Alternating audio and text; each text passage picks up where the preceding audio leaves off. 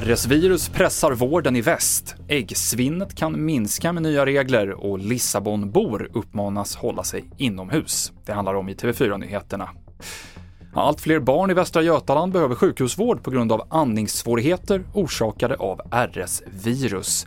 Det är framförallt spädbarn under sex månader som riskerar att bli svårt sjuka och nu rekommenderar smittskyddet i regionen att föräldrar ska hålla äldre syskon hemma från förskolan om det är möjligt, för att minska risken att de smittar sina små syskon. Nya regler ska minska äggsvinnet i matbutikerna. Perioden för att sälja ägg förlängs från 21 till 28 dagar efter värpning. Karin Fritz är matsvinnsexpert på Livsmedelsverket. Det som händer nu är ju att butikerna inte behöver slänga fullt ätbara ägg som man har gjort i en himla massa år.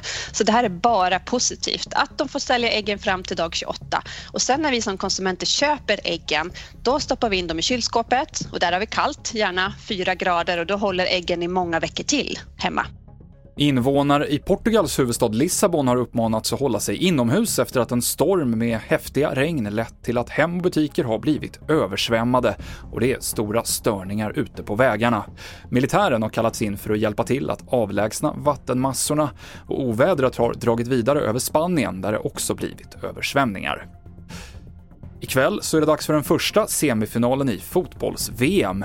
Lionel Messis Argentina är favoriter, men Kroatien går aldrig att räkna bort, säger Olof Lund. De är oerhört starka på att hela tiden resa sig. De har ju liksom, jag menar, slog ut Brasilien, eh, sen kvittering, vann straffläggning, andra straffläggningen. De vann i det här mästerskapet. Finns otrolig styrka och tro. Ja, men liksom ett lag. Så att det blir tufft för Argentina, men det är klart att Argentina är lite favoriter. Särskilt när de har stödet på läktarna.